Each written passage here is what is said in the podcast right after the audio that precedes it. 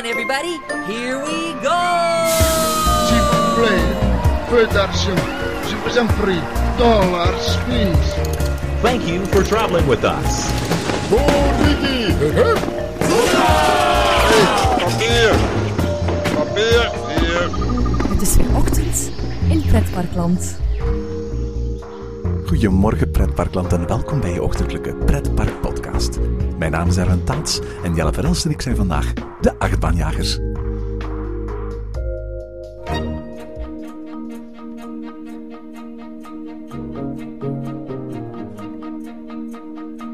In de achtbaanjagers gaan we regelmatig op zoek naar bekende en minder bekende achtbanen in binnen- en buitenland.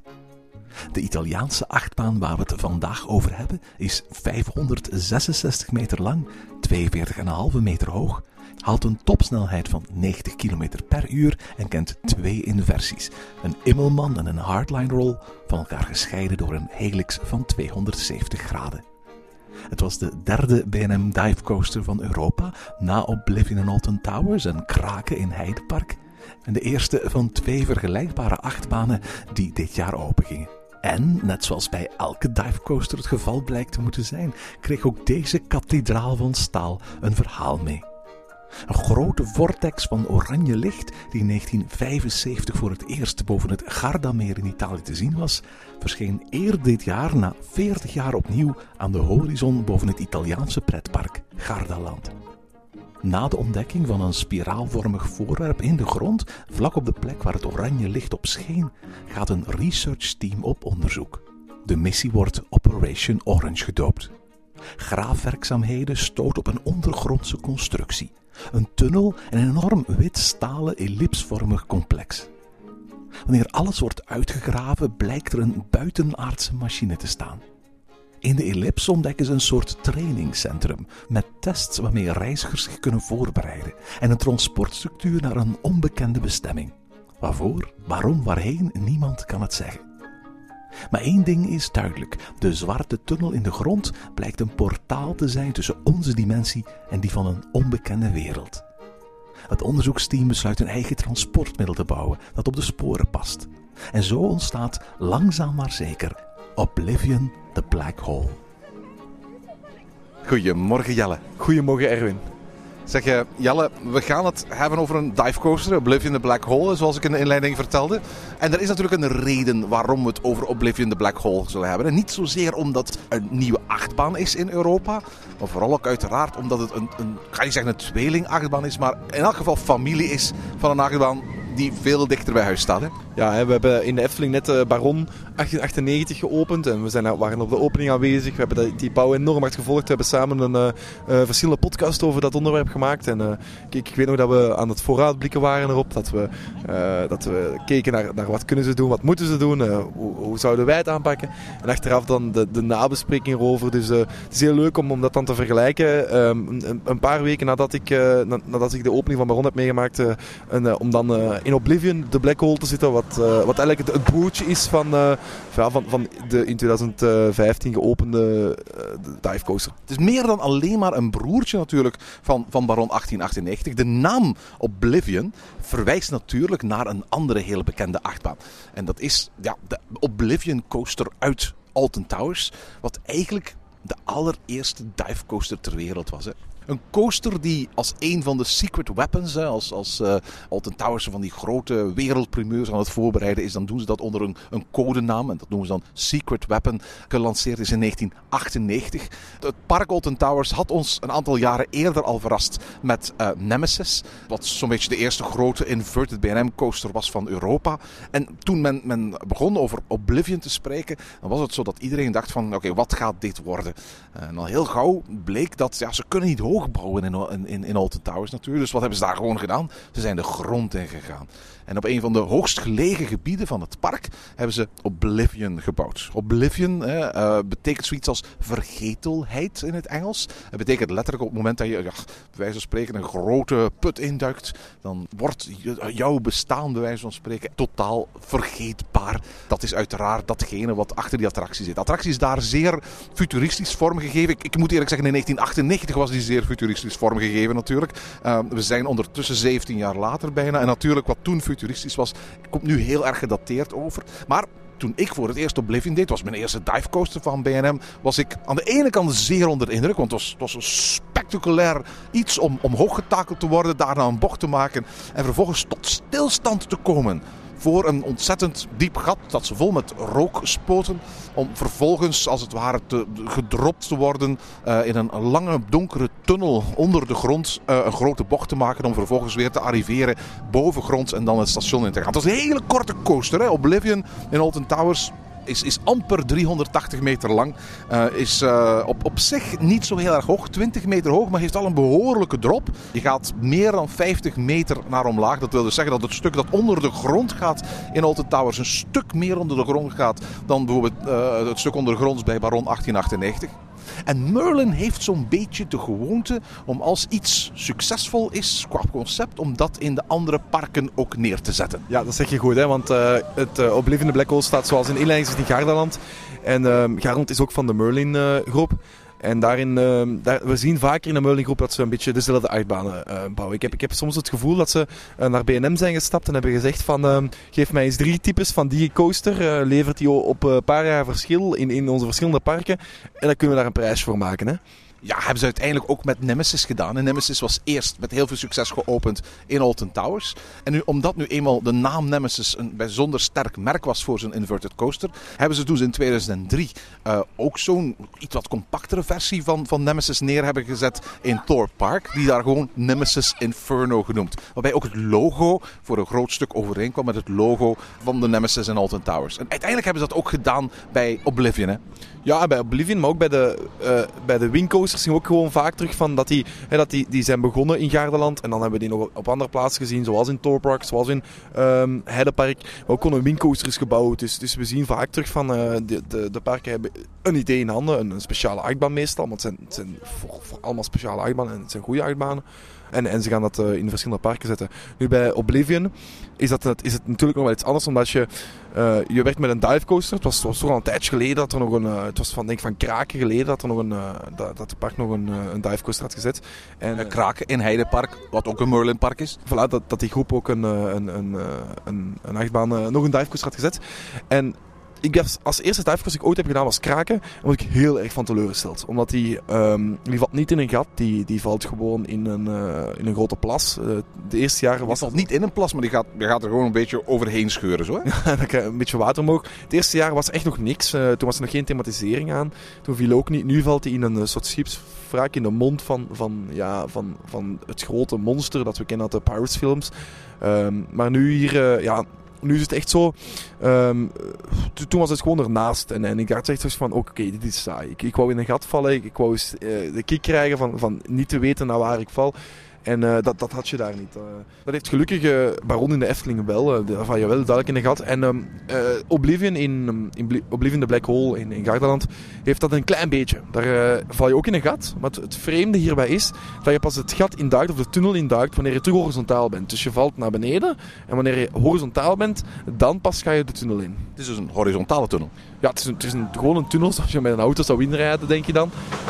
je schiet er wel ook naar boven uit. Dus je komt er ook wel bovenwaarts uit. Maar het, is gewoon, het is gewoon een tunnel zoals ze uh, bijvoorbeeld in sommige houten achtbanen een, een tunnel bouwen of zo. Ja, dus iets groter qua oppervlakte en zo verder. Maar er hangt ook geen mist aan of zo verder. Dus, uh, dus, dus op dat vlak is het wel iets anders dan, dan, dan, dat, dan dat Baron 1898 is bijvoorbeeld. De, de, de eerste divecoaster was, was Oblivion. Wat vond jij daar eigenlijk van? Ik vond het spectaculair om, als, als effect, het drop-effect. Maar ik vond het een one-trick pony. Ik vond het een achtbaan die eigenlijk amper een achtbaan was. Het was eigenlijk een soort ja, het was een manier van, van Alton Towers om een droptoren te bouwen. Zonder dat ze daar een enorme toren moesten zetten. Uh, dankzij het achtbaansysteem konden ze onder de grond gaan. Waardoor ze eigenlijk een freefall effect konden neerzetten. Zonder dat ze daar een freefall toren voor hoefden te bouwen. Want laten we zeggen, één keer dat je in die tunnel zat. Dan, dan, dan ga je gewoon horizontaal rijden. En dan maak je een bochtje en kom je in het station terug uit. Ik vond het ja, wat underwhelming. En dat is een van de redenen waarom ik eigenlijk het afgelopen jaar, toen Baron 1898 uh, gebouwd werd, altijd zo'n beetje schrik had. Zoiets van, ik ben blij dat de Efteling een nieuwe attractie bouwt. Ben, ben, ben Tof dat er een grote thema-attractie gaat komen. Super dat er een BM-coaster gaat komen. Maar ze hebben wel uiteindelijk gekozen voor, het, het, we hebben dat ook verteld in onze aflevering van Baron 1898, het type coaster dat ik het zelf het minst interessant vond van, van BM. En de achtbanen die ik tot nu toe gedaan had, zelfs, zelfs bijvoorbeeld Chikra, dat, dat twee verschillende drops uh, heeft in, in Busch Gardens, daar was ik nooit super van onder de indruk. We hebben nu Baron 1898 gedaan. Daar waren we wel enthousiast over. Het is een hele soepele baan. Het is een, een hele geweldige drop eigenlijk. Maar vooral ook het thema eromheen zorgt ervoor dat die attractie naar een ander niveau wordt getild. Vertel eens, uh, Oblivion the Black Hole. Is daar ook iets van thema aanwezig? Ja, dat is zeker thema aanwezig. Um, het, het, verhaal begint eigenlijk in een wachtrij waarbij um, het, het, idee is eigenlijk dat er een, een, black hole is ontstaan. Dat er een, een, soort van ja, astronomisch, uh, dat er iets raars ontstaan. Dat er een, een zwart gat is gekomen en dat daarin alles wordt ingezogen. Net aan het Gardameer. En dat zie je ook in, aan filmpjes die spelen aan, in de omgeving van dat, uh, van, van dat gebied. Van oké, dan zie je een nieuwsbericht met daarin van oh vreemd, er, is een, er is iets raar aan de hand. Het is een paarse gloed en, en, en, en dan, dan ja, dat, dat, dat trekt je wel een beetje in. Je hebt ook in de wachtrij een volledig soort trainingskamp waarbij je moet doorlopen.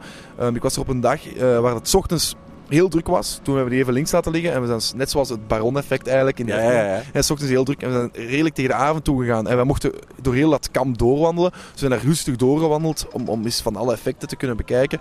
En het is leuk gedaan. Het is een beetje zoals je uh, bijvoorbeeld ook in, de, in Europa Park, in die, in, als je bij Bluefire staat te wachten, wandelt in die tunnels waarbij je dan overal 360 graden rond. Ja, ja, ja. Wordt dat effect daar ook gebruikt? Ja, dus dan heb je ook een, een soort ruimte waar je niet met beamers, maar dan met uh, tv, met schoten van die uh, LED-schermen, 360 graden om schermen hebt. Je hebt zo van die radars precies die je scannen. En je hebt zo wat verschillende dingetjes die je, die je een beetje het gevoel moeten doen geven dat je in een trainingskamp bent. Het, voordeel, het grootste voordeel van die tent waar je doorloopt is dat daar airco is.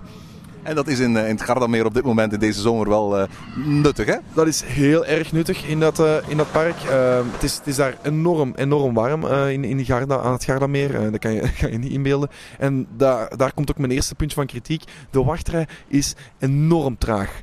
En lang sowieso en traag. Het gaat niet vooruit. Wij klagen over Baron 1898. Wij kloegen over Baron 1898. Voilà. Maar dit is een ramp. Daar is een dispatch time van 4 minuten gemiddeld, misschien zelfs tegen de 5 minuten gemiddeld. Dat is, het gaat daar niet vooruit. Je komt, um, je komt aan, een, uh, aan, aan de poortje, allee, je komt bovenaan en dan, um, dan ga je, word je voorgesorteerd. Bij de poortje tot daar alles goed. Maar als de mensen willen uitstappen, blijft het poortje toe tot de mensen echt van het station af zijn. Dan pas gaan de poortjes open, dan kan je instappen. Moeten mensen nog een rugzakje gaan wegleggen, moeten mensen nog een schoenen gaan wegleggen. Maar moet je nog een plaatsje terugvinden.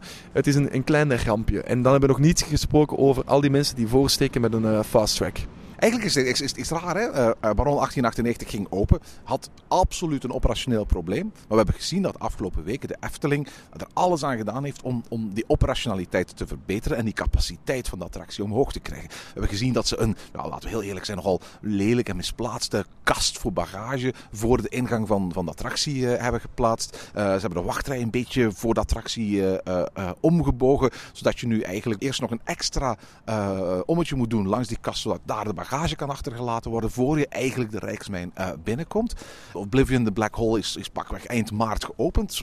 Daar zag je geen aanstalten om iets aan dat capaciteitsprobleem te doen ik zou zeggen, in tegendeel. het lijkt gewoon. Er, en er staat wel voldoende personeel. Er personeel zit om, om voor te sorteren. Er staan minstens drie mensen in, op het station zelf te, de beugels te controleren. En toch gaat dat daar niet vooruit. Het is, het is alsof ze niet willen daar. En oké, ik, ik begrijp, het is, 40, het is tegen de 40 graden. Dat, dat je niet elk moment alles van je kan geven als personeel zit. Dat begrijp ik volledig en daar heb ik ook alle respect voor. Maar op een bepaald ogenblik sta je 10 minuten stil in de wachtrij. Langer dan 10 minuten stil in de wachtrij.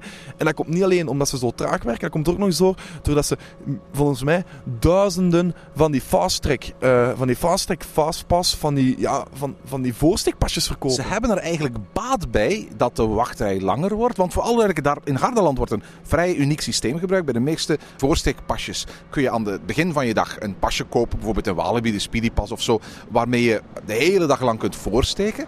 Maar eigenlijk in, in Gardaland gebruikt men een systeem waarbij je voortdurend de kans krijgt om de bestaande wachtrij van één attractie voor te steken? Ja, je hebt ze alle twee. Dus je hebt, eh, je hebt, je hebt zo, zoals we eigenlijk in de, van de meeste Merlin-groepen kennen, dan kan je naar een, eh, een kotje gaan en dan kan je daar zeggen van, ik wil een trail voorsteekpasje. En dan krijg je hè, één keer voorsteek aan alle trail-attracties. Kost dan iets van een 30 euro als je een, een ding erbij wilt hebben. Maar daarboven heb je dan de hele dure, die volgens mij bijna niet genomen worden om, eh, om, om een hele dag zoveel als je wilt voor te steken. Die worden volgens mij bijna niet genomen. Je merkt ook dat je in de, in de attractie, of, of dat je in, in, als je door het park loopt, heel weinig hebt dat mensen meteen van de ingang terug naar de, van de uitgang meteen terug naar de ingang lopen. Dus echt dat het eenmalige pasjes zijn. Uh, maar wat je daar ook hebt is bij elke ingang van eender welke grote attractie staat er iemand vooraan en die zegt: Oh, you don't want to wait, you don't want to wait? 5 euro. Een beetje zoals een proper op Ibiza. Inderdaad. En die zegt dat echt heel de tijd. En de hele dag waar je ook komt, hè, je kijkt naar de wachttijdbord, je, zegt, je zegt tegen vrienden, oh 35 minuten, zouden we dat wel doen of niet? En dan staat daar een meneertje, oh you don't want to wait, 5 euro and you can uh, skip the line. En voor, uh, Nemesis, en voor uh, de nieuwe attractie is dat dan 7,5 euro bijvoorbeeld, of 8 euro. Of, of de prijzen wisselen een beetje met de populariteit tussen de 5 en de 7 à 7 euro, 8 euro. Ik viel stijl achterover toen je mij dat vertelde. Het concept van voorsteekpasjes was me bekend. Maar dit klinkt als zo'n verregaande uitbuiting van je klant. Om, om letterlijk bij wijze van spreken per attractie de mogelijkheid te geven van, van oké, je kunt nu de wachtrij overslaan. Dat het volgens mij de beleving van, van hoe een persoon zonder voorsteekpasje zo'n park doet ernstig gaat aantasten. Ik ben ervan overtuigd dat die, die systeem waarbij je maar eenmaal mag voorsteken, de wachttijd niet echt zo heel veel verlengt in, in per se. Omdat dat allemaal mensen zijn die die attractie sowieso zouden doen. Niemand gaat een pasje kopen van 7 euro of, of zo verder als je die attractie niet van plan bent om te doen. Dus ik ben ervan overtuigd dat normaal gezien die wachtrij gewoon dat er dubbel zoveel mensen hadden ingestaan en dat ik even lang had moeten wachten.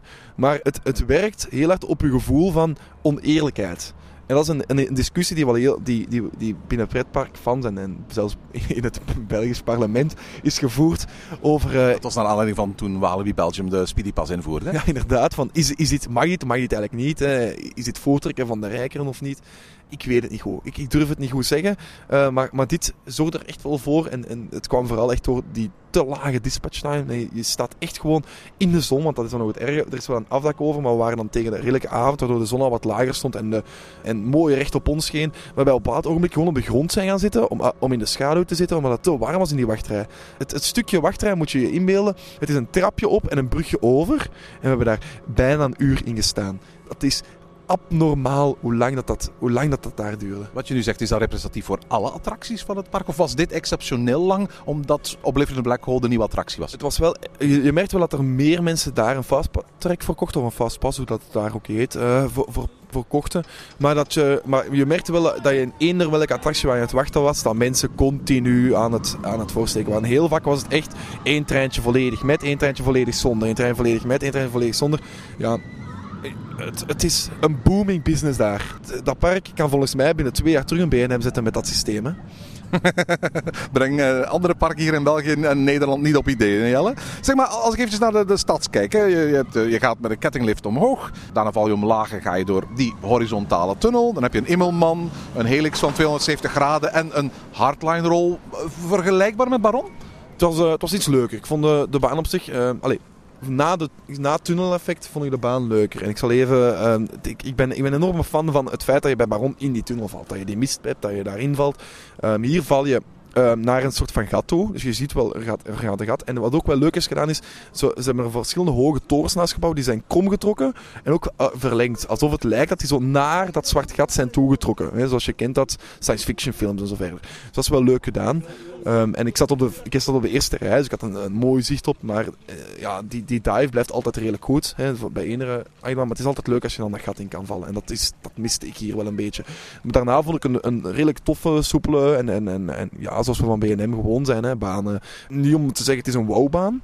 Net zoals ik bij Baron ook niet zei, het is een wow-achtbaan. Maar het, het, het, het, is wel een toffe baan. Maar die ik graag twee keer, drie keer had gedaan, had het niet zo'n ellenlange en in de hitte en, en zoveel frustrerende, want echt frustrerende wachtrij geweest. En ik denk dat dat ook voor een groot stuk meespeelt en hoe ik die baan heb beleefd. Ja, je zat wel frontseat. Ik zat wel frontseat. Het is, het is zo, in, in alle parken die ik in Italië al heb bezocht, Gardaland, uh, Mirabelandia en nog een aantal kleinere, was je altijd, had je altijd een systeem waarbij je tegen werd gehouden voor het station.